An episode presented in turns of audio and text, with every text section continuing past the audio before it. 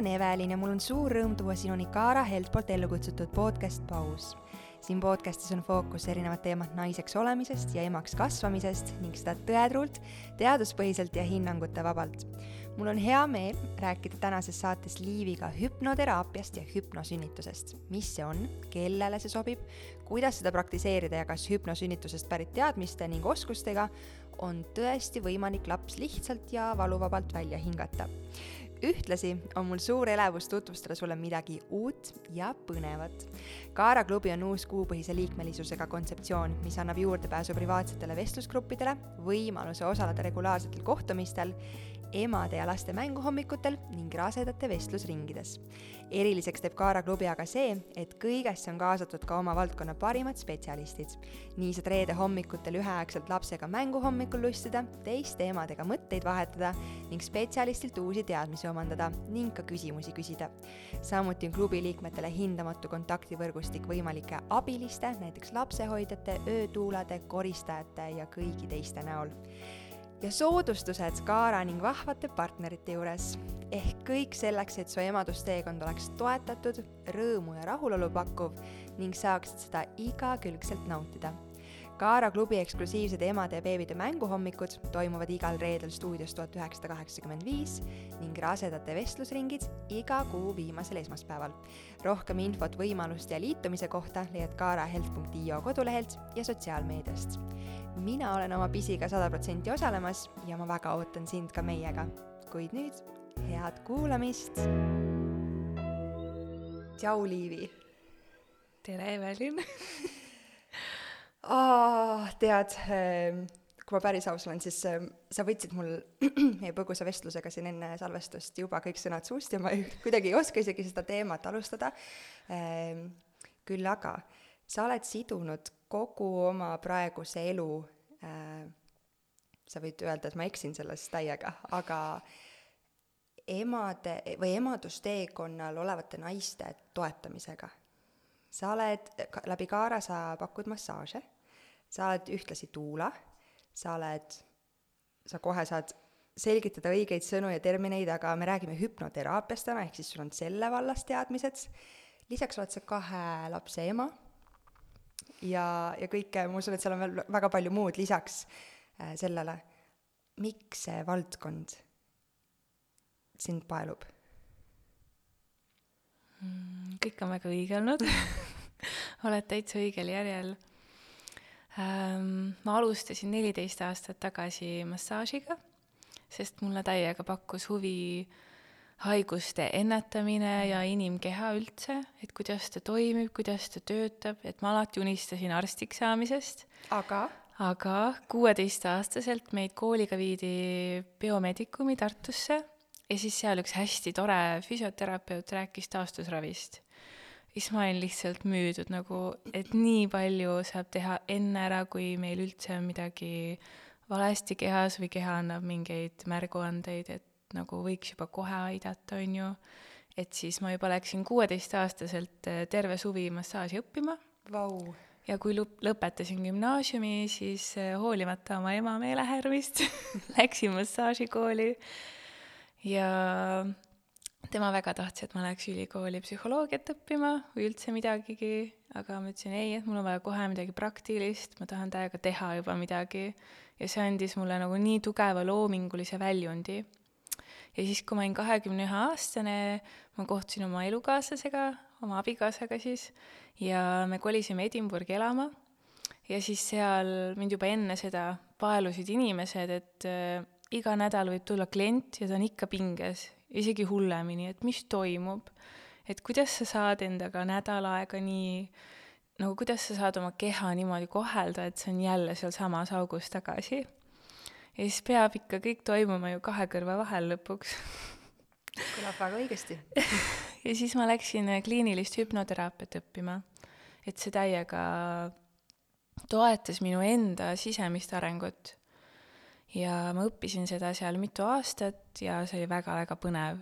ja see nagu pani minu jaoks äh, vaimse tervise nagu hoopis teisele kohale sest see on nii oluline ja aitas mul endal nagu terveneda ja mõista iseennast läbi oma lapsepõlve ja päriselt nagu alustas minu enda tervenemise teekonda. ja siis me kolisime Eestisse, ma jäin kohe rasedaks, ma olin äkki kakskümmend viis siis, ja siis ma salvestasin iseendale hüpnoseansse ja kuulasin seda terve raseduse. ja aga tegelikult ikkagi nagu es-, esmakordse emana sa päriselt ei tea, mis sind ees ootab, et ikka käisin kõik koolitused läbi ja Ingrid Kaagüla perekooli ja nagu ikka saad nii palju teadmiseid juurde.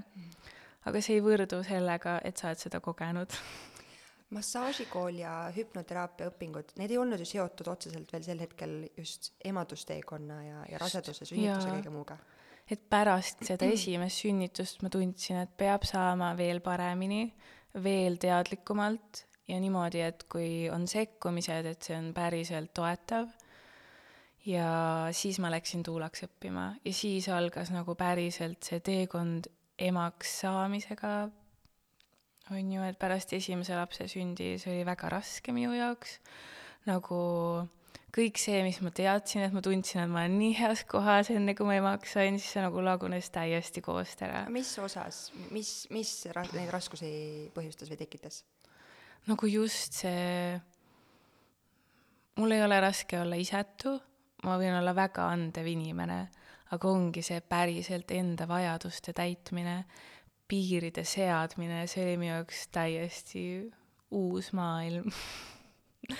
Ja seal kohas ma nagu hakkasingi uues valguses üldse naisi nägema, emasid nägema, et vau, kui palju tegelikult äh, peab üks ema läbi tegema, et kasvada emaks, et olla päriselt see naine, kes on oma perele olemas ja see pere toetab teda ka, et sinna nagu jõuda. ja ma ütlen ausalt, et ma olen sinna kõige rohkem oma elu jooksul nüüd jõudnud pärast teise lapse sündi et see on nagu igal emal erinev teekond ja mind täiega paelubki see, et kuidas sinna kõige pehmemal moel jõuda ja siis ma olengi väga palju kombineerinud oma tuulaoskuseid, massaažioskuseid ja hüpnoteraapia oskuseid. Ma ei tea, kuidas äh, sinu päritoluperes see oli, aga minu peres kostus väga tihti lauset, et kui sa kunagi suur oled, küll sa meid mõistad. Ja noh, see oli üldjuhul mingites riiu- ja tüliolukordades muidugi, on ju, kus mina tahtsin teha üht, aga vanemad selgitasid, et kindlasti mitte nii ei saa ja peab tegema nii, nagu nemad teavad ja arvavad. Äh, aga üks asi, mis, äh, mida ma kunagi, ma olen alati väärtustanud oma vanemaid ja neid teadmisi ja oskusi, mida nad mulle edasi andnud, aga ma ei osanud võib-olla enne ise emaks saamist näha sedasama, mis sa välja tõid, et kui nagu väljakutsuv just see en-, nagu naiseks olemise üldises mõttes on, et sa pead olema isetu ja jah, sa võid anda oma lapsele lõputult, aga kuskil on vaja need piirid tõmmata ja enda tassi on vaja täita. Ja, ja lihtsalt üks nendest sellest äh, mõttest, mis minuga nüüd pärast emaks saamist on kaasas käinud, on see, et et kui on kellelgi sünnipäev, siis ma ei lihtsalt ei mõtle sellele, et on selle inimese sünnipäev, et ma nagu peas soovin õnne või kui on võimalik, siis ka päriselt soovin õnne ta emale, sest see on, see on nii suur päev äh, või üldse töö selle ema jaoks muidugi. mul on kananahk praegu tuli peale, kui ma sellest rääkisin ja mõtlesin, et kõik, kuidas me kõik oleme siia tulnud ühel moel ja meil kõigil on emad. ma tahaks neile lihtsalt kõikidele palju õnne soovida jaa, kindlasti mõistan oma ema valikuid, olles ise ema nagu palju-palju paremini. Ja olen talle meeletult tänulik mingite kohtade pealt, kus ta päriselt lasigi minul otsustada ja oma valikuid teha ja sealt ise õppida. Et see on nagu kõige suurem väärtus, mida ma praegu näen. et see, et on üks asi lapsele piire seada, teda kaitsta ja hoida ja armastada, aga ka ta lahti lasta teatud hetkedel, et ta saaks iseseisvuda see tundub väga-väga raske. on, aga see tuleb ajaga mul, sa praegu ütled seda mulle ja see tundub täiesti võimatu ausalt öeldes, sest ainuüksi see mõte sellest, et ma kunagi pean oma poja andma mingile pruudile, kellega ta kokku kolib ja kes, kes ise tema sokke pesema hakkab ma ei ole selleks valmis. aga arvestades, kui kiiresti on aasta läinud praegu, siis mul on tunne, et põhimõtteliselt homme ta läheb, võtab naise ja ülehomme kolib kodust välja see selleks äh,, siit käis läbi korduvalt hüpnoteraapia ja võib-olla mhm. kuulajatele ähm, on tuttav selline termin nagu hüpnosünnitus. just mis nendel kahel ühist on, kas üldse midagi, mida see sõna hüpno või liide hüpno seal tähendab, kas see on seotud kuidagi hüpnoosiga? selgita seda maailma natuke. jaa, nad on tegelikult, ongi üks seesama valdkond, hüpnosünnitus ja hüpnoteraapia on lihtsalt erineva suunaga, et äh, teraapias me vaatleme kõiki erinevaid äh, valdkondi, kus on vaja tervendus luua, kus on vaja toetust ja luua uued äh, sisestused enda alateadvusesse. aga hüpnosünnitus on lihtsalt see, et me keskendumegi ainult sünnitusele ja kui vajadus on, siis ka emadusele hiljem, et seal sisestame nagu positiivseid äh, afirmatsioone et ema tunneks ennast enesekindlalt ja oskaks päriselt lõdvestuda. see ei ole mingi voodoo maailm, need on päriselt äh,, see on päris teadus, see on ja. päriselt uuringutega tõestatud. just, on päriselt. hüpnoos on hästi erinevalt käsitletud meie maailmas, see on pandud äh, show desse, meediasse, reklaamindusse. ma just tahtsin öelda, et keegi pendliga sul silmade ees kõigutab, ütled, et sa oled hoopis mis iganes keegi teine kuskil mujal ja läinud. Et see on see, mis et, äh, nagu sõnaga hüpnoos justkui tänapäeva meediapilti vaadates seostub. see on täpselt nagu nii sarnane võrdlus on sünnitusega, et mis me filmidest õpime, et veed tulevad plahvatusega ja beebi, ma ei tea, purskab välja minutiga, on ju, või piinled seal ööpäevi. Et mis iganes seal filmis on tahetud taodelda sellega, on ju, et see on ju alati vahest on mõnel inimesel see esimene kogemus üldse sünnitusega, mis nad filmidest näevad. et samamoodi on hüpnoosiga, et see on tegelikult väga näiline, me kasutame igapäevaselt hüpnoosi alateadlikult, näiteks sõidad autos, sul on see tee peas, järsku vaatad, aa, ma olen kohal, et inglise keeles on selle vastu daydreaming ja see ongi self-hypnoos, see on nagu iseeneslik hüpnoos, kuhu me lähme, see on nagu kerge transis olek või mediteeriv olek, see on täpselt seesama. ja just hüpnosünnitusel ongi oluline, et sa oskad seda luua endale ka läbi intensiivse kogemuse. Vau, ma ei olnud kunagi mõelnud sellise asjale, see näide, mul on korduvalt olnud sedasama olukorda, kus ma, ma tean, kuhu ma lähen, ma sõidan, järsku ma olen kohal täiesti ootamatult. Ja siis mu esimene mõte on oh,, kas ma punaseid foore panin tähele, kas ma ülekäijaid lasin üle tee? ma, ja sest kuidagi on peast pühitud, et ma üldse oleks seda teed sõitnud. just, see ongi, see ongi see, et sul on automaatpiloot peal ja ongi teraapias me teemegi niimoodi, et see, kui see automaatpiloot on sinu jaoks negatiivne, see ei teeni sind enam mitte mingil moel, siis seda saabki tegelikult ümber programmeerida meie alateadvuses sa tood välja selle ümberprogrammeerimise. aga ähm, kui on esmakordne sünnitaja, esmakordne mm -hmm. kogemus, siis ma saan aru, et seal on tegelikult seda taustinfot on väga palju, see, kuidas äh, äh, lapsepõlve on möödunud, kuidas enda elu äh, mõtted, mustrid on olnud, aga paranda mind, kui ma eksin, aga mul on tunne, et äh, nagu kui on näiteks esimene äh, sünnituskogemus äh,, mis mis tahes moel ebameeldiv, traumeeriv, siis justkui seda saab ümber programmeerida äh, nagu potentsiaalselt uue ilusama sünnituskogemuse loomiseks. aga kuidas käib see ümberprogrammeerimine sellisel juhul, kui on esmakordne kogemus, et naine ei tea isegi, mida oodata mm? -hmm no vahest on näiteks naistel uskumused, et minu ema sünnitas nii, minu tädi sünnitas ka nii, mina pean ka nii sünnitama. aga ikkagi beebil on ju isa energeetika ja DNA ka, et seal loeb jällegi, kuidas tema ema on sünnitanud ja ikkagi teaduslikult ei ole ära tõestatud, et see kõik on pärilik. Või näiteks minu ema rebenes nii palju minuga ja siis on see hirm nagu, et tekivad rebendid, et seda saab juba ennetada, et sa usaldad oma keha, sa õp-, ongi hästi tähtis teada, mis siis aitaks, et mis sa ära saad teha füüsiliselt selle jaoks et siin tuleb ikkagi perekool mängu nende teadmistega ja teadlikkusega ja läbi hüpnoteraapia saamegi sisestada, et on turvaline kogeda sünnitust üldsegi. ja kuna sul on kõik need teadmised ja sa juba tegutsed, siis äh, nagu see ei pea juhtuma sinuga, on ju. et äh, mina näengi seda, et need mustrid, mida sa mõtled peas ja tahad alateadlikult ise korrata, et siis nagu neid pehmendada või üldsegi nä-, panna klienti nägema, et mis lugu sa endale räägid. Et see peegeldus nagu seal on ka hästi oluline, et aa, aga ma ei pea nii sünnitama, on ju. et juba see uskumus muutuks, et mul on, ma saan selle jaoks midagi teha, isegi kui läheb nii, siis nüüd ma tean, kuidas kiiremini terveneda näiteks, mida teha, on ju, et mida tehagi lahkliharebendi puhul ja nii edasi.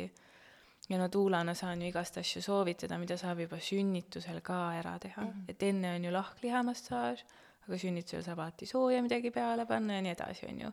et seal tulevad kasuks minu kõik muud teadmised ka et tõesti suutnud kokku koguda kõikvõimalikud teadmised, et äh, nagu seda pakkuda terviklikku toetust äh,, toetust naistele.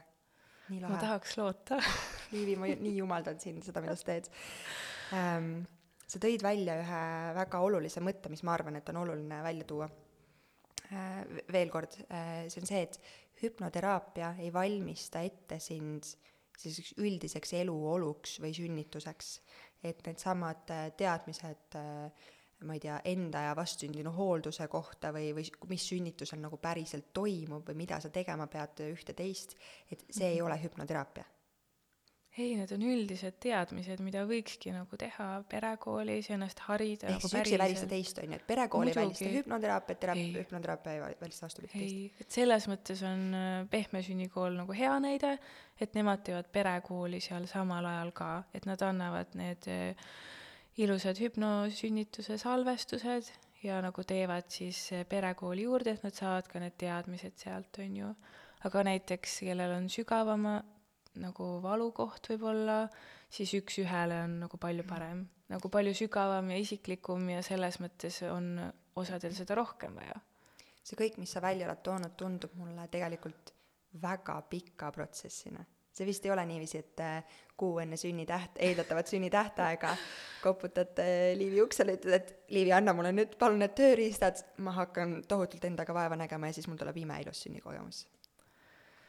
jah see täiega oleneb, et kui vastuvõtlik sa oled hüpnoosile näiteks, kui palju sul on siis seda emotsionaalset pagasit, sest naine ikkagi sünnib ka oma sünnitusel, ta sünnib esmakordseks emaks, teisekordseks emaks, tema sünnib ka ja kõik nagu see pagas, mis sul on, sa tegelikult nagu läbid selle sünnitusel, ma arvan, enamus naised on seda kogenud et mingitel hetkedel tulevadki erinevad emotsioonid üles ja nagu teaduslikult ma olengi uurinud, et äh, mida pikaajalisemalt sa oled seda harjutanud ja päriselt seda integreerinud oma igapäevaellu, seda suurem kasu sellest on.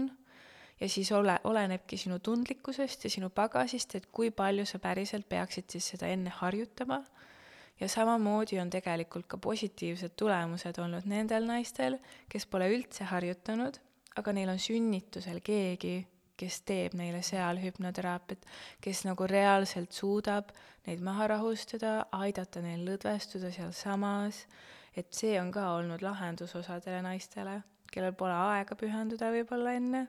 Muidugi see tase, see on jälle igal inimesel võib-olla erinev, aga ma arvan, et äh, see võibki olla kiire lahendus mõne jaoks, on ju. Mm.. aga ongi jälle hästi tähtis on minu meelest äh, hüpnoteraapias see usaldus, et see hääl, see inimene, kes räägib su kõrval ja tema hääl päriselt oskaks sind lõdvestada, et ta päriselt mõjuks sulle rahustavalt, et äh, ma arvan, enamusele hakkaks väga vastu, kui hüpnoterapeut oleks väga kriiskava häälega näiteks mm et see ei tundu väga mahe ja malbe ja mõnus, on ju. aga mõnel naisel on kindlasti vaja konkreetsemat naist ja nii edasi. et see on, minu jaoks on kogu naiste teekonna toetamine nagu langeb väga isiklikule tasandile, et kas me sobitume. ja seal on seda sobitumist nagu väga palju vaja leida tegelikult, sest see usaldus määrab ära nii palju. kui palju on hüpnoteraapial pistmist midagi hingamisega? väga palju. et selleks, et üldse lõdvestuda ja minna hüpnoosi, sa peadki oskama rahulikult hingata ja nagu päriselt teadlikult oskama ennast lõdvestada. ja tegelikult sünnitusel ongi vaja ju osata lõdvestuda läbi oma hingamise. et kui on avanemisperiood sünnitusel, siis kogu see hüpnoteraapia oskus hingata tuleb täiega kaasa. et sa oskadki lõdvestuda ja rahulikus tempos hingata, sest see hoiabki su emakakaela ka lõdvana. aga presside ajal, no seal on ikkagi vaja seda ürgset jõudu ja nagu see tuleb niisama naisesse ka. tuleb see kõigil? osad ei, osad ei tunne pressitunnet kohe, et seal on äh, ongi erinevalt seletatud, et mõni tunneb kohe, kui emakakael on avanenud, siis tulevad pressitunded ja mõnel hakkavad need hiljem, kui beebi on nagu peaaegu tupevas nagu, mõnel tuleb alles siis, kui nad puudutavad seda sfinkterlihast, niimoodi ma olen aru saanud. et see on, ehk siis seal on ikkagi mõnus tunnel mm, -hmm. kus vahemikus võib see alata ja muidugi epiduraal võib seda pärssida, et ei tulegi. ja siis alati ämmaemand ikkagi suunab hingama. mis nagu kergelt ja lihtsalt seletatud, mis selle hüpnoteraapia eesmärk on, kas see ongi see rahunemine, lõdvestumine mm., kohalolu, mis see, kuidas sa nagu kokku võtad selle, mis see eesmärk on? konkreetselt hüpnosünnituse jaoks on jah, see lõdvestumine see kohalolu ja keskkonnavahetusega toimetulek, intensiivsuse ja valuga toimetulek, et kohe, kui on hirm, siis on, tuleb ka valu, on ju mm. et sa oskaksid oma emotsiooni lahti lasta. mis ei tähenda, et kui hirmu ei ole, siis valu ei ole? või? pinge ja hirm käib nagu natuke käsikäes selles mm. mõttes, et see tuleb nii alateadlikult meisse, et seda peab siis teadlikult osa, oskama lõdvestada mm aga hüpnoteraapias me ju tegelikult jah, alustame sellest, et, et tuleks oskus lõdvestuda, kui on väga ärevad kliendid, ärevushäiretega ja niimoodi. ja tegelikult seal all ju taga on alati väga sügavad teemad. et on väärtusetuse tunne, noh, enesehinnangut ei ole, ei ole kunagi olnud seda päris kiindumussuhet ema või isaga, nagu see läheb alati enamasti, mitte alati, läheb ikkagi väga sügavale tasandile, kust see ärevus tuleb, kust see muster tuleb, mida sa tahad lahustada ja mida sa tahad ümber muuta enda jaoks. kas saab alati muuta, kui on see tahe äh, olemas? kui sa oled alateadvuses päriselt valmis, siis on, et äh, mul on olnud kliente, kellega me lähme nagu paari seanssiga alles sinna tuuma juurde, sest ta varem ei olegi valmis sinna minema et päris hüpnoteraapias ongi niimoodi, et äh, ma ei kuritarvita klienti, meie alateadvus on alati ärkvel, ta alati kaitseb meid ja ma ei saa mitte midagi teha, milleks sa ei ole valmis. et selles, see ongi see koht, mida paljud inimesed ei tea, et sa oled tegelikult alati turvaliselt hoitud iseenda poolt. Ja see on äh, see koht, kus äh, muidugi terapeut ju vaatleb kuhu maani me saame täna minna, mida me saame päriselt sinu jaoks ära teha. Ja nii palju saamegi, on ju. et mõni klient võib olla väga avatud, me jõuame ühe korraga nagu maailma muutusteni tema maailmas selles mõttes. Ja mõne kliendiga läheb aega. Ja pärast ühte seanssi võib-olla tal läheb pool aastat aega, et nagu jõuda sellesse järgmisesse etappi ja niimoodi, et mina usaldan hästi palju seda protsessi ja ma arvan, teisiti ei saagi, kui olla turvaliselt hoitud sa mainisid, et hästi oluline või, või hästi palju sõltub äh, kogu hüpnoteraapia mõju sellest isiklikust valmisolekust. Äh, ma ei tea, kas inimene nagu ise suudab endast kuidagi seda valmisoleku mõõdikut, et nüüd ma olen kümne protsendi peal, nüüd ma olen kaheksakümmend, et nagu ilmselt see vist päris nii ei käi, aga kui fookuses on just hüpnosünnitus mm, -hmm. siis äh, millal nende teemadega peaks tegelema hakkama oleneb naisest, aga näiteks kui sa juba mõtled, et ma sooviksin rasedaks jääda, ma tahaksin pere luua, aga ma kardan seda, seda, seda, siis see oleks ju mõistlik aeg alustada. Kui sa jääd rasedaks ja mõtled, oh my god, mis nüüd saab, nagu siis oleks ka mõistlik alustada. aga kui su hirmud tulevad alles kolmandal trimestril sünnituse kohta, on ju, siis on, siis ei ole hilja veel alustada. et me jõuame ikkagi mingeid hirme maandada sisestada, et sa saad sellega päriselt hakkama, on ju. ja turvaliselt ja hästi et ja mõnel tuleb alles siis, kui on sünnitus kogetud, et äh, ma jään ellu, aga mis hinnaga. ja tahad siis seda traumat lahustada. ja mõnel tuleb alles päriselt emadust kogedes, et mis ma teinud olen kuhu sisse ma olen sattunud, on ju mm. et see ongi täiesti sisetunde järgi, sest iga inimene ju tegelikult teadvustab endale probleemi omal hetkel ja siis sa oled valmis seda väljapoole jagama ja abi otsima. Et see on see koht. siit see sõna või emotsioon hirm äh, on korduvalt läbi käinud, aga kas hirm, hirm vist ei ole ju tegelikult alati halb, et ma mõtlen, et hirm ju hoiab meie justkui sellist ohutunnetust, et, et äh, ma nüüd äh, noh, et mul on hirm äh, ma ei tea, lõkkesse kukkumise ees, et võib-olla ma siis käin nagu natuke suurema kaarega sealt lõkkest mööda või panen oma juuksed kinni, kui ma seljaga sinna lõkke poole se-, seisan, et äh, mõni juuksekaru tuuleiliga sinna lõkke poole seda sädet püüdma ei läheks, on ju. et äh, kas raseduse ajal need hirmud, ma usun, et väga paljudel naistel on, kas või minu isiklikust kogemusest, et ma saan kaks triipu rasedustestil, õnnejoovastus nagu tohutult positiivsed emotsioonid, aga siis järgmisel hetkel ma mõtlen, et, et aga kas see on midagi, mis püsima jääb, siis ma saan kaheksandal nädalal või millal see esimene ämmaemanda visiit on, selle positiivse jah, süda lööb, kõik on hästi, aga mul on ikkagi see risk, mis on nagu küllaltki suur sinna alati kuni kaheteistkümnenda nädalani, et, et ikka mingi hirm, mis hoiab sinnamaani ja siis sealt edasi tuleb jälle uus ja uus, aga need ei ole miski, mis elu otseselt häiriks või igapäevast elu, samas see on midagi, mis kuskil kuklas tiksub. kas minu kogemusel need oleksid olnud küsimused või mured või mõtted, millega pöörduda terapeudi poole või, või mingil, mingi teatav hirm on nagu normaalne elu osa ka? tegelikult inimkeha vajab mingil määral stressi, et ellu jääda. sul on vaja tunda, et siin ei ole turvaline olla, ma võin siit lahkuda selles suhtes ei ole turvaline olla, ma võin siit lahkuda. kas sul ei ole turvaline praegu olla, Liivi? on küll, mul on väga turvaline olla et nagu muidugi sul on õigus, et teatud määral see stress ja hirm on väga nagu tervislik, väga tervislik, aga ongi see, et kui sa tunned, et see mõjutab su elu, et äh, minul on maahirm, ma kardan madusid väga mm. ja ma võin päriselt ennast veenda, et miks mitte metsa minna aga siis ma alati teen endale positiivsed sisestused ja ma, ma tean, et see võib väga naiivne tunduda aga ma alati kujutlen, et nad on minust vähemalt kakssada meetrit eemal ja alles siis ma julgen metsa siseneda, on ju. et ma tean, et foobiatega saab väga hästi tegeleda, aga ma ei ole veel sealmaal sellest... selle jaoks peab madu katsuma sul on veel sinna natuke minna. mul on sinna veel natuke minna, jah.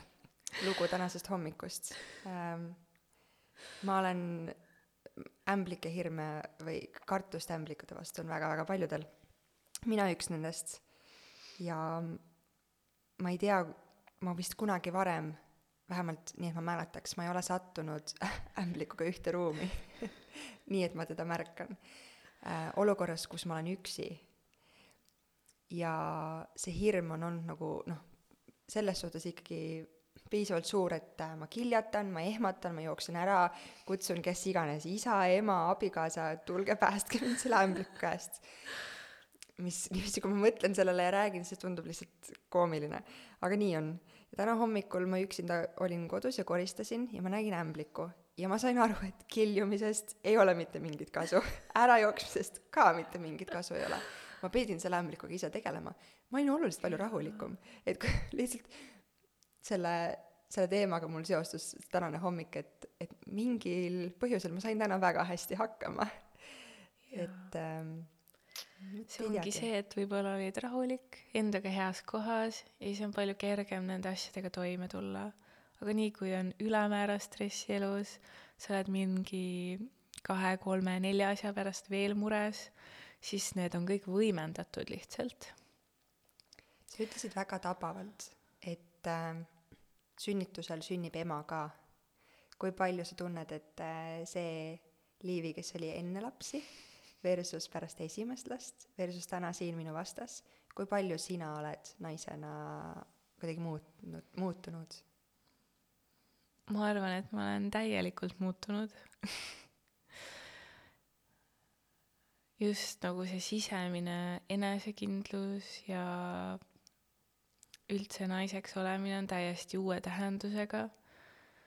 ja just see, et sa päriselt oled nüüd kellegi eeskuju ja sa saad seda nii ereda peegliga vastu lastelt.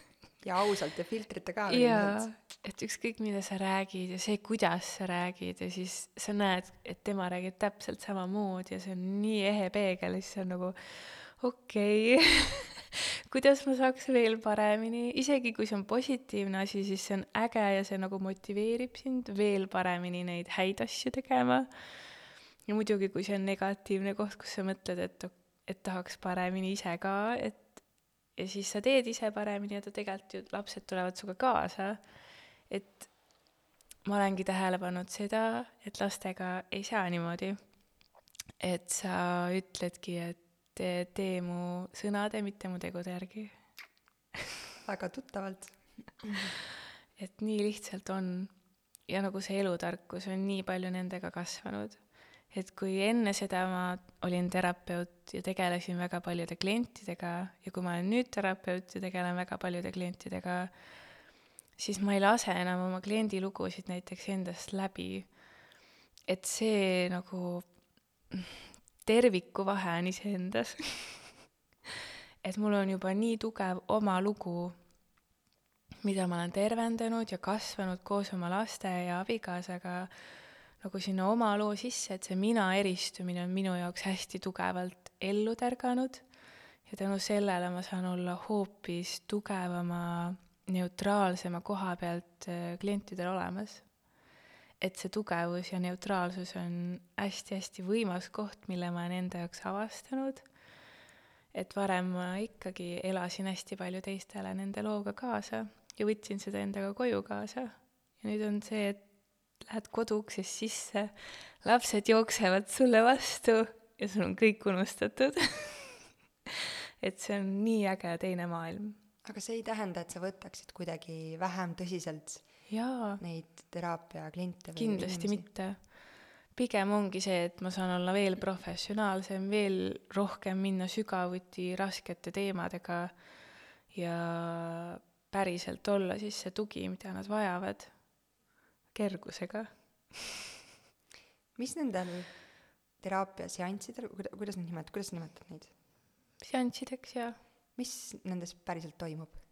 okei okay hetkel on nad mul kestnud kuskil kaks, kaks pool tundi. me kõigepealt räägime kliendiga hästi palju, nagu kaks kolmandikku me räägime päriselt. on kõik valmis rääkima? hetkel küll siiamaani küll. eks peab olema hea osav suunavate küsimuste esitaja ka muidugi. ja inimest tunnetama ja lugema et seda on massaažitöö väga hästi mind õpetanud tegema. Ja me räägime hästi palju, ma kaardistan nagu need tunded ja mustrid, mida päriselt äh, inimene ise tahab ka muuta. Ja siis peegeldan talle tagasi neid. Ja jõuame võib-olla uute teadmisteni tema enda sees. ja kui me oleme päriselt jõudnud äh,, mina tunnetan, et kui see on nagu tänase teema tuum, siis äh, me võtame need teemad, mida, mis on tema jaoks lõhkuvad või negatiivsed ja me pöörame need positiivseteks afirmatsioonideks. näiteks äh, ma tunnen, et mind pole kunagi armastatud, siis positiivne afirmatsioon, et ma olen täielikult armastatud, ma olen aktsepteeritud, ma olen turvaliselt hoitud, nagu kõik siuksed asjad. ja siis me teemegi hüpnoosi. see on siis viimane osa ja ma salvestan selle alati kliendile, et ta saaks seda kodus kuulata. ükskord on mul ka juhtunud, et me ei läinudki salvestama, aga see klient pärast ütles, et ah oh,, ma ei olegi eriline salvestuste kuulaja. Ja aga siis hüpnoosis äh, kõigepealt lähmegi sügavasse lõdvestusse. Ja seal siis vaatame, millist tööd me saame alateadvuses teha, et osadel inimestel on vaja seal oma sisemise lapsega kokku saada osadel inimestel on vaja uuesti kogeda seda positiivset äh, armastust või hoitust, mida nad kogesid, aga on ära unustanud elu traumade tõttu, et siis selle nagu taas lõkkele lüüa tema sees. et äh, päriselt leida kontakt iseendaga, see sügav kontakt, see on meil, meis alati olemas. ja siis sinna saame peale luua uue vundamendi, mis on positiivne, hoidev ja turvaline ja siis tavaliselt hüpnoos lõpeb, lasen kliendil nagu päriselt üles ärgata, et vahest võtab see kauem aega, vahest tuleb kiiremini. ja siis saame veel kokkuvõtvalt selle kokku võtta, mida tema koges. et äh, mõnel on äh, raskem lõdvestuda, siis ta teebki seda, mida ma ütlen talle, et lõdvestub nii ja kogeb seda, mis on täpselt öeldud, aga mõnel on meeletu fantaasia ja kogeb nagu tõeliselt äh, elavaid elamusi seal ja pilt jookseb ja et see on hästi vägev. iga kliendi jaoks erineval moel. ja siis palungi, et olenevalt intensiivsusest, kui palju on vaja nagu päriselt seda talle sisestada, et mõnel on vaja kord nädalas kuulata, mõnel nagu iga päev. et kui ma olen ise, ma olen ise ka hüpnoteraapias käinud ja Eestis ka nüüd olen käinud, ma olen väga tänulik oma terapeudile ja hästi lihtne on tekkima pärast see koht, et äh, see vana muster tuleb esile mm -hmm. ja siis sul on see uus ja see on nagu endas konflikt, et mida nüüd teha, on ju, et selliseid hetki võib pärast olla, aga see on ka turvaline, sest sa nagu, sa päriselt nüüd mõtled, et mul on nüüd võimalus erinevat moodi käituda, et vaata kui lahe. Et see on see koht, kus sa saad päriselt äh, valida nüüd lõpuks sul ei ole enam see automaatpiloot, et ma nüüd äh, lähengi siin närvi ja kat-, katus lendab ära, on ju, näiteks ja see on nagu hästi võimas. sa räägid kõigest sellest erakordselt säravate silmadega. mul on tunne, et sa oled väga-väga õiges kohas ja teed väga õiget asja. tunned sa ise ka seda? jaa, mind väga nagu huvitab see ja ma tunnen alati, et äh, et tööd peab tegema nagu päriselt hingega ja säraga et äh, ma arvan, see ka, et ma olen saanud vahepeal lastega kodus olla, on tegelikult väga aidanud mind, et ma olen saanud korraks eemale tõmbuda, uue perspektiiviga peale tulla ja siis uuesti särada. et just need kohad, kus ma olengi rasedaks jäänud, siis ma tunnen, et tegelikult oli nii õige aeg nagu eemale astuda korraks tagantjärele saad aru sellest, sel ja. hetkel vist ei oleks ise seda sammu ju teinud. just, jaa. et siis oleks ikka edasi ennast tõuganud või kuidagimoodi surunud. aga lapsed on alati, mhm. tulnud mm -hmm. näitama, et emme, nüüd on aeg puhata ka. targad, targad. väga targad kui me räägime hüpnoteraapiast äh, sünnituse kontekstis, millised need tööriistad on, mis nii-öelda sinna sünnitustuppa või, või kus iganes, noh, kodus alguses või, või kodus ka äh, lõpuni välja, mis need tööriistad on, mis naisel tagataskus on või, või peaksid olema, et, et luua seda soodsat kogemust ilusale sünnikogemusele? lõdvestus ja hingamine on nagu põhiline teema. aga et seda lõdvestust saavutada, töötab meie aju erinevalt mõnel naisel ongi vaja visualiseerimist, teda väga rahustavad need pildid, mida ta suudab endale luua. mõni naine ei suudagi visualiseerida, teda näiteks rahustab lugemissüsteem, et ta nagu, kas või mees loeb äh, viiest üheni ja siis nagu iga nagu astmega alla sa nagu lõdvestud ja lõdvestud sügavamalt. ja mõne jaoks on hästi oluline lõhnad, tuled, valgus sest äh, nagu sinul on teistsugused meeled, mis on hästi olulised. minul on hästi tugev näiteks äh, puudutustunnetus ja minul on väga-väga vaja, et materjalid, mida ma katsun või nagu inimene, keda ma katsun, et mul oleks seda hea teha või keegi, kes mind puudutab, et see puudutus oleks turvaline, et kõik need asjad on minu jaoks olulised. tuli muidugi ka, et väga ergas tuli, enamus naisi ikkagi häirib aga mind nagu ekstra häiriks.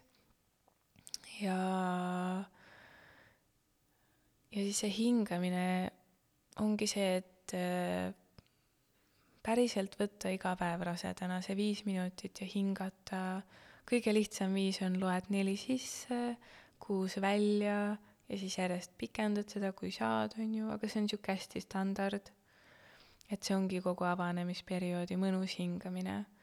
ja see on tegelikult äh, nii mõnus teha kogu kõhuga nagu kogu kehaga ja nii hästi aitab lõdvestuda enne magama jäämist, et see on lausa imeline, kui sa lood selle nagu seose enda ajus, et sa enne magama jäämist, enne, enne täielikku lõdvestust hingad sügavalt ja siis teed seda sünnituse ajal ka, et see nagu link on ajus olemas juba. Et see on nii lihtne asi, mida kasutada. et jällegi olenevalt kliendist, et need on kõige nagu baasasjad, mida saame hüpnoteraapiaga koos nagu ja koos teadlikkuse ja teadmistega kaasata, mida saaks igaüks ära ise teha ka ju. Need meeled, et mis me nagu, mis meeltega me tahame kogeda või kuidagi mm -hmm. on hästi erinevad. Äh, ja kui ei ole võib-olla varasemalt liiga palju sellele tähelepanu pööratud või mõeldud, ja isegi kui on, siis sünnitus on nii erakordne olukord, et kõik, mis muidu meeldib, võib mm -hmm. mitte meeldida ja vastupidi. täpselt. kuidas siis sel hetkel kuidagi kohaneda, et kui ma arvasin, et mulle meeldib äh, äh pigem pime tuba ja mõned helkivad, ma ei tea, LED-küünlad, sünnitusmajja päris küünlaid ei lasta. Äh, aga sel hetkel ma võib-olla ikkagi neid küünlaid, nendest küünaldest ei hooli ja pigem tahan, et äh, tea, ämmaemandal oleks selline piisav valgus, et olukorda kontrollida ja näha mm. -hmm. et kuidas nagu sellega rahu teha, et, et see ei olegi vastavalt mu plaanile mm. -hmm. näiteks hüpnoosi hüpnoteraapias või hüpnoosi sees me saame sisestada niimoodi, et on turvaline väljendada oma vajadusi ka siis, kui need ajas muutuvad. sest ongi turvaline väljendada oma vajadusi ja seda me peamegi sünnituse ajal tegema. mõni naine unistab vette sünnitusest ja ta ei taha sünnituse ajal vett nähagi. mina ma ise tahtsin ka teise lapsega kodus ette sünnitada, mind väga aitas see sünnituse ajal, aga lõpus ma ei tahtnud enam seal olla. et ma väga mõistan seda, et meie meeled ongi muutlikud. ja ma olen kuulnud, et mõni naine paneb presside ajaks ka metsatülli käima, on ju. et võib-olla sa ei planeerinud seda ette, aga võib-olla, võib-olla planeerisid, et mis iganes sa tunned, et ah, mul on just seda vaja, siis julgedki seda väljendada. ja kui ongi inimene või naine, kes ei oska oma piire seada, ei oska ennast väljendada, sest see ei ole kunagi temal lubatud olnud või turvaline olnud, siis see, see ongi see teema, millega me saame tegeleda päriselt. Ja seda luua. sa tõid välja selle, et on olnud äh, kliente, kes võib-olla, või, või üleüldse inimesi, naisi, kes äh, liialt palju ei ole jõudnud harjutada või, või nendes teadmised justkui on, aga aga harjutada ei ole jõudnud ja siis justkui on äh, õige tugiisiku olemasolul piisanud ka sellest, et temal on see rahustav hääl ja need afirmatsioonid mm -hmm. ja need õiged sõnad, mida õigel hetkel öelda. Kui oluline on hüpnosünnitusteadmisi mm -hmm. koguda koos partneriga? kõik oleneb, milline suhe nagu partneriga ka on tegelikult ma ikkagi soovitaks neid koos teha. Sest kui partner ongi otsustanud, et mina tahan olla see tugiisik, mina tahan olla sulle kallis nii palju toeks, kui ma vähegi saan, on ju, siis tal ongi vaja neid teadmisi. ta teeb, ta, tal ongi vaja teada, mida öelda naisele, mis teda päriselt rahustab, mis teda päriselt hoiab ja päriselt kõnetab. et kui ta on seal kõrval ja ütleb, kallis, sa saad kõigega hakkama vaata, milline vinge naine sa kodus oled, on ju. aga võib-olla sellele naisele üldse ei meeldi see sellel hetkel, siis ei ole toetav. et äh, mingil määral saab ette mõelda, et mis on need haavatavad kohad naises ja mees nagu puudutaks siis seda haavatavat kohta, et on turvaline olla minuga haavatav, et kallis, ma näen sind. või ma kuulen, et sul on raske hingata, et palun hinga minuga koos või nagu just see, et kui sinul on muusika ja kuulmine oluline, sa saadki öelda, et, et ma kuulen sind, ma näen sind või nagu noh, see, et seal on ka need erinevad meeled, millega me saame mängida, et kuidas sa räägid inimesega. ja seda saab ka äh, hüpnoteraapias selgeks teha, et millised meeled meid päriselt nagu toetavad. et see on äh, see, mida saab partnerile edasi anda. Ja mida tegelikult, ma arvan, kui on kiire elutempo, siis me ei panegi tihtipeale tähele üksteise juures. Need on ka sellised oskused, mida tuleb harjutada enne koos partneriga. see hingamine kas või, sa tõid Jah. välja selle, et see numbrite loendamine mind aitas sünnitusel, ma ei jõudnud muule paljule keskenduda, sest see oli küllaltki kiire äh, minu Mhm. jaoks, aga aga numbrite loendamine hingamise ajal aitas mul pea muudest mõtetest tühjana hoida ja sellepärast ma lugesin kogu aeg endale üks, kaks, kolm, neli, üks, kaks, kolm, neli, viis, kuus. just, see ongi see, et sa annad oma ajule ülesande ja sa keskendud sellele ja siis kaob kõik muu tahaplaanile ja see täiega aitab ja toimib. et see ongi see koht, kus sind aitasid numbrid ja mõnda aitab visualiseerimine ja mõnda lihtsalt äh, ma ei tea, puudutus, muusika, mis iganes aitab sul sinna enda sisse minna, kus sa oled fookuses.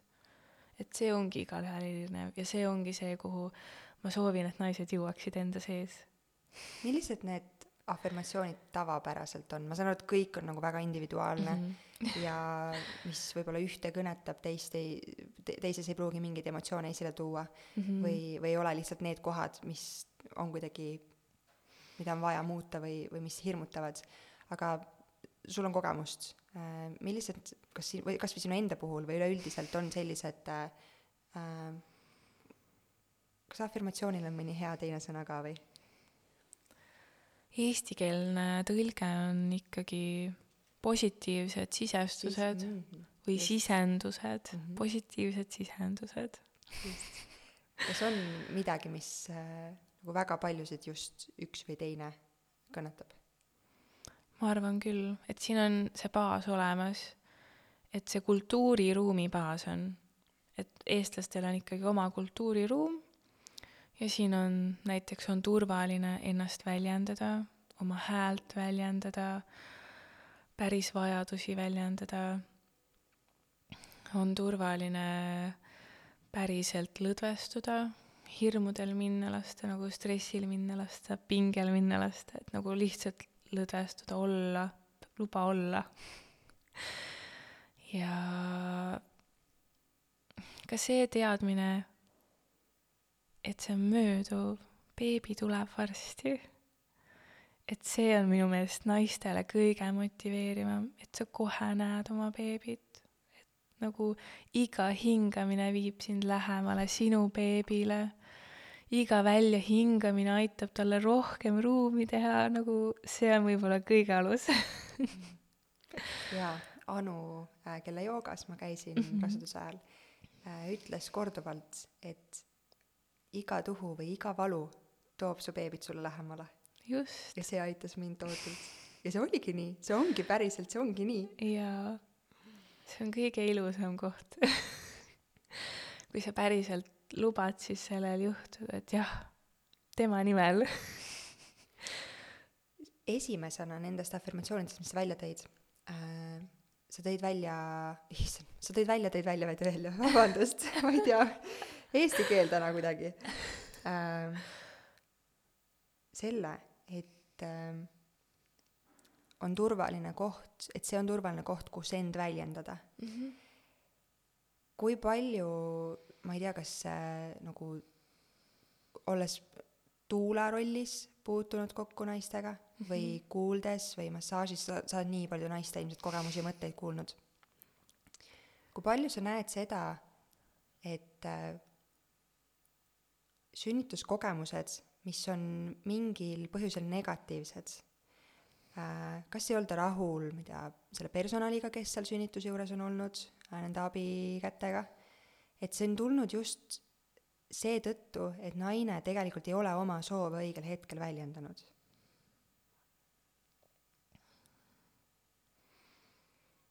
kas ma saan õigesti aru, et sa mõtled, et kas see ruum on siis turvaline, kui ta ei ole oma soove väljendanud ja siis ta ei saa seda, mida ta tegelikult vajas või? jaa Mhm. ma, ma kuidagi olen ise hakanud lihtsalt äh, hiljuti selle peale mõtlema, et et kui on negatiivsed sünnituskogemused mm, -hmm. Siis hästi lihtne on alati teistele näpuga näidata, et jumala eest, mina ju ei olnud süüdi. ja muidugi ma, ma selles suhtes nagu sada protsenti usun, et sünnitusprotsessis olles on väga raske mm -hmm. öelda, ma tahan seda, ma tahan teist, hakake muutma seda, ei, ma tahan hoopis nii, eriti kui sulle võib-olla kogenud spetsialist ütleb, et Evelin, tegelikult usu mind, see asend on praegu võib-olla parem. aga lihtsalt raske on leppida sellega, et mina tegin vea või, või mina oleksin yeah. saanud teisiti, et nagu lihtsam on näpuga näidata mm. -hmm. et miks, miks mulle meeldis, et selle välja selle tõid, sest ma lihtsalt yeah. isiklikult usun, olenemata mis tahes mm -hmm. spetsialist, et kui me oma soove väljendame, siis on seda kogemust kõigi osapoolte jaoks võimalik ilusamaks muuta. muidugi on ja ma võin enda näite tuua, see võib-olla ei ole kõige positiivsem näide, aga tagantjärgi tegelikult on et esimese lapsega meil sünnitus pikk, mul vete tulekust oli kolmkümmend tundi, haiglas olin seitseteist tundi, mis on tegelikult ju oodatav esimese korra kohta. ja me olime ööseks juba nii väsinud lihtsalt mehega. ja ämmaemand tuli ja ütles mulle, et sa oled ise süüdi, et see beebi ei tule su seest välja. aga nüüd ma ju tean, et tal oli õigus, aga lihtsalt mina olin seal kohas, kus see ruum ei olnud minu jaoks turvaline või nagu sellest turvatundest jäi puudu, sest minus võib-olla ei olnudki seda nii tugevalt juurutatud lapsest saati. ja see oli see valukoht, millest ma iseendas läbi tulin sünnitusel. lihtsalt see, mida ta ütles mulle, peegeldas seda nii tugevalt mulle vastu. et ma ei ole üldse pahane, et ta seda ütles, siis olin kuidas sa võisid aga nüüd nagu, kui ma kogesin sünnitust teist korda teise lapsega mul oli kõik olemas, mul oli tuula, mul oli eraemmaemand, me sünnitasime kodus, mul oli oma kodu. see oli hästi turvaline. ja ma ikkagi palusin ämmaemandal üks hetk sekkuda ja veed lahti teha, aga ma tundsingi, et ma valisin selle ise, sest minu sees oli see vägi, ise abi paluda, ise see vastu võtta, ise luua see, mida ma vajan ja seda kohta esimesel sünnitusel ei olnud. ja see oligi see ju, mis haiget sai. et, et see koht endas nagu luua, kus sul on päriselt turvaline olla, ongi kõige alus tegelikult, sul on õigus, et see on väga õige mõte, mida sa oled mõelnud. et ma iseenda kohast ju näen seda ja, ja sa oled täiega survival mode'is, kui sul ei ole turvaline. ja see tegelikult takistab sünnitegevust mingil määral vahest beebi tahab ise tormiliselt tulla ja ta, see ei määra üldse rolli, kas sa oled seal ellujäämisrežiimil või mitte, ta lihtsalt tuleb, on ju tema on otsustanud. aga mõni beebi vajab, et sa päriselt nüüd lubad. ja seal on see kõige olulisem. ja siis ongi mõnel naisel vaja oksüdotsiini juurde nagu mõnda sekkumist või lihtsalt äh, mingit teist lahendust toe mõttes ja turvatunde loomise mõttes. see ei ole üldse halb see ongi see koht, kus ma tahakski toetada ja olemas olla ja räägingi naistele, et leia endale see tugisüsteem, mis aitab sul seda luua, kui ma näengi, et nendes seda tegelikult ei ole veel. et nagu nii sügavuti seda nähes, nagu sinagi esile tõid seda, siis see on, see on täiega teema, millega võiks tegeleda juba varakult. tead, ma väga imetlen sind et sa oled kuidagi selliselt rahu teinud selle ämmaemanda poolt öeldud lausega. jaa. ja kuna sul on need teadmised ja oskused ja kõik, siis ma nagu üldse ei sea kahtluse alla seda, et, äh, et sa, sul on päriselt kõik hästi ja see, see on okei okay.. aga mina täiesti praegu kõrvalolijana kuu-, selle, seda kuuldes, ma mõtlen, et äh, ma arvan, et mitte ükski inimene ei tohiks kunagi, vähemasti sellises formaadis ühtegi sõnumit sünnitavale naisele, ükskõik millisele, ka mittesünnitavale naisele edasi anda. see on põhjus, miks ma nii tohutult äh, imetlen kõiki Kaara tiimis äh, ja seda, mis väärtuste eest Kaara seisab. sest ma tean, et äh, kui me oleme kas või Karina või Annaga rääkinud, kes Kaara eest vedajad on ja, ja eesotsas seisavad, siis äh, ma tean, et ne-, nendel läheks ka punane tuluke pea kohal põlema sedasama kuuldes, ilmselt nüüd nad podcast'is kuulevad, et äh, ega see ei ole okei okay,, et ämmaemand niiviisi ütleb. sest ma usun, et vaata seesama, et sul on need Mhm. teadmised mm -hmm. selle mõttega rahu teha ja sellega leppida ja sa saad aru, et võib-olla see tõesti oligi sellepärast, et sina ise jaa. olid nagu justkui süüdi. aga naine, kellel ei ole kogemusi, ei ole teadmisi, ei ole oskusi eh, neid eh, sõnumeid oma peas kuidagi lahustada ja, ja ümber mõtestada, siis ma usun, et see võib tekitada tegelikult, tegelikult ka mingis mõttes päris vastiku või nõmeda või halva trauma. muidugi, jaa. mu poeg on nüüd viie ja poole aastane, et see võttis ikkagi viis aastat aega et pärast sünnitust mul oli väga raske. Ma kaotasin palju verd ja oligi see, et miks ma ei jaksa, miks ma ei jõua, nagu hästi palju seda enesesüüdistust tuli tegelikult sealt peale, seda aega võimendas seda ja ma tulin ikkagi väga raskest kohast enda sees läbi. ja see kindlasti võimendas ja kõik teised naised, kes on kogenud selliseid asju, et ma olen saanud lihtsalt enda näite põhjal neile veel rohkem toeks olla, sest ma mõistan, kuidas see panigi sind tundma. ja Tuulana nagu päriselt ma tõesti ise ju sooviks ainult kõigile sünnitajatele head ja nagu see ei ole okei okay neile seda öelda. iga naine teab seda ise. nagu ma, ma ju teadsin seal laua peal ma sain ainult lamada, sest lapse pea küljes oli andur, et mul ei olnudki muud valikut sellel hetkel ämmaemanda poolt antud ja kuna esmakordse emana sa ei julge ka häält teha võib-olla seal laual, siis nagu nii oligi, et sellel tunnel oli see, sellel hetkel oli tunne, et mul ei ole valikut. ma nüüd pean seal nii olema. et sellega leppimine ja siis äh, see kõik võttis aega see võttis kindlasti tohutu energia ära, mille oleks võinud ju kõik äh, kulutada avanemisele et äh, see kogemus on mulle väga palju andnud.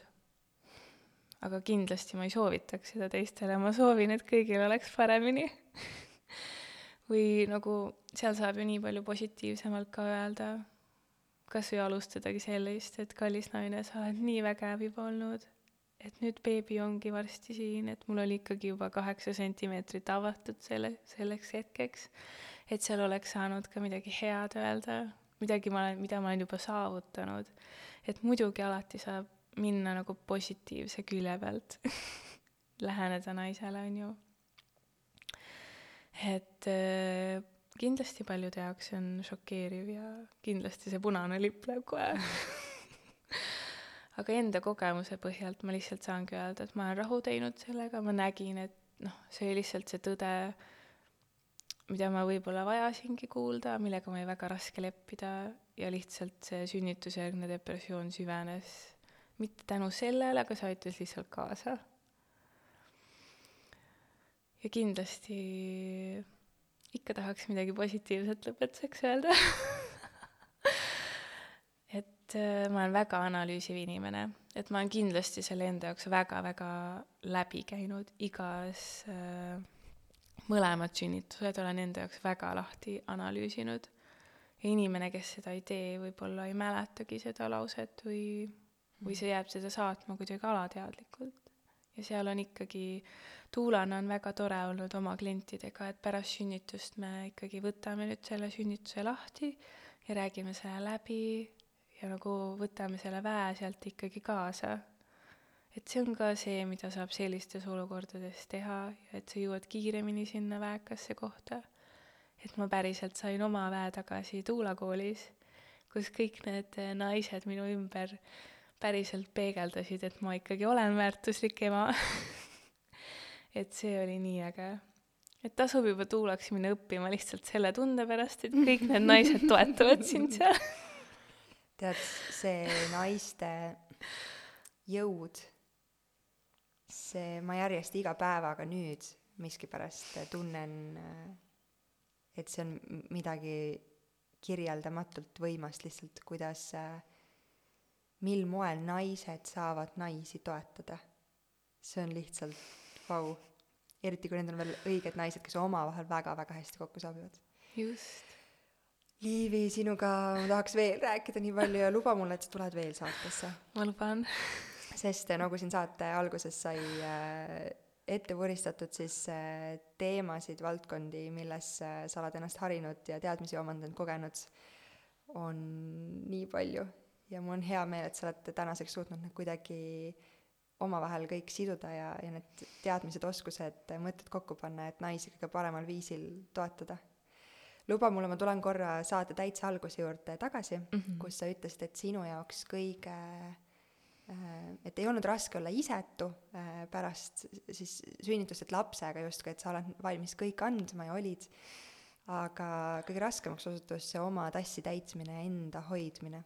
kuidas sa täna äh, oma tassi täidad? No kahe lapse kõrvalt on see elutempo päris kiire. ma ei kujuta üldse isegi ette ausalt öeldes. ühega on juba väga kiire. aga ma tunnen, et meil on abikaasaga väga tugev tiimitöö. et meil on võib-olla selle võrra omavahel seda aega vähem, aga me teame, et see tuleb tulevikus aga meil on hästi palju üks-ühele aega lastega.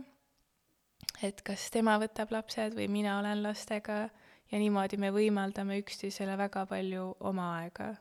et mina saan trenni minna, nagu täna ma tulin Pärnust, ma sain olla eile pärastlõunast täna hommikuni oma sõbrannadega koos et see nagu täiega laadis mind jälle teise, teise nurga pealt. kas sul on mingi väike, noh, mingi tõesti selline väike asi, mis mm., kui tead, kõik asjad kasvavad üle pea kokku ja kõike on liiga palju, et siis ma ei tea, võtad äh, kuuma teetassi, lähed äh, värske õhu kätte ja hingad neli korda sisse välja või mingi, mingi väike asi, ma ei tea, kaneelisai või midagi, mis nagu alati koheselt annab selle hea tunde ja emotsiooni. enamasti, kui mees tuleb töölt koju, siis ma ütlen, kallis, ma pean täna jooksma minema see meenutab mulle seda, kuidas ma usun, et väga paljud aga viimastel nädalatel on seda minu puhul eriti palju ette tulnud, kuidas ma loen minuteid, kui mitte sekundeid, et abikaasa koju jõuaks. ja siis ma ootan lapsega seal ukse peal ja annan üle, et nüüd on minu aeg emadus, see vist võtab hästi kokku selle, et me oleme valmis alati kõike oma laste nimel tegema, et neil oleks hea. aga selleks, et seda kõike neile pakkuda, me peame ennast ka hoidma. Väga. aitäh sulle, Liivi, nende teadmiste, mõtete Äh, kogemuste eest, mis sa pakud äh, oma naistele, keda sa hoiad ja toetad, aga siin saates ka ja et sa avasid seda hüpnosünnituse ja hüpnoteraapia poolt, mis seni saadetes veel üldse tähelepanu polnud saanud, aitäh! aitäh sulle ka! tšau! tšau!